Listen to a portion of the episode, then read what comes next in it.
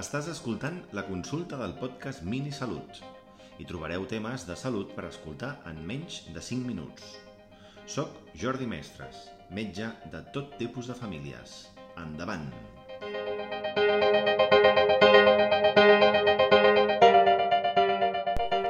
Benvinguts al podcast Mini Salut. Avui parlem dels maleïts polls.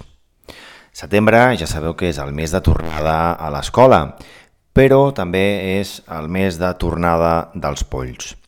L'anomenada peticulosi és una infecció de la pell causada per un paràsit, el poll del cuir cabellut.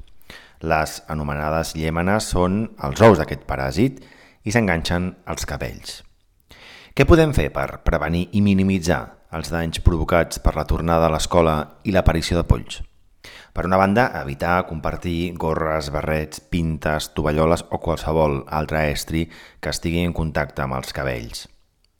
Idealment, hauríem de portar el cabell recollit en cas de tenir-lo llarg en aquelles situacions en què es produeixi un contacte estret amb els cabells. És important evitar el rescat del cap per evitar justament les lesions en el cuir cabellut aplicar de forma correcta el tractament tòpic que ens hagin recomanat a la farmàcia segons el tipus de cabell i l'edat i repetir els 7 dies aproximadament.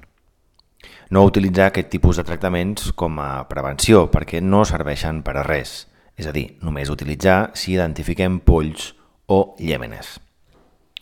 Justament a la tornada a l'escola seria convenient revisar sobretot les zones del clatell i els voltants de les orelles.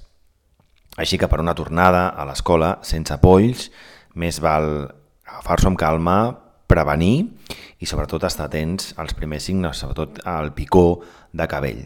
Per tant, tornem a l'escola amb salut.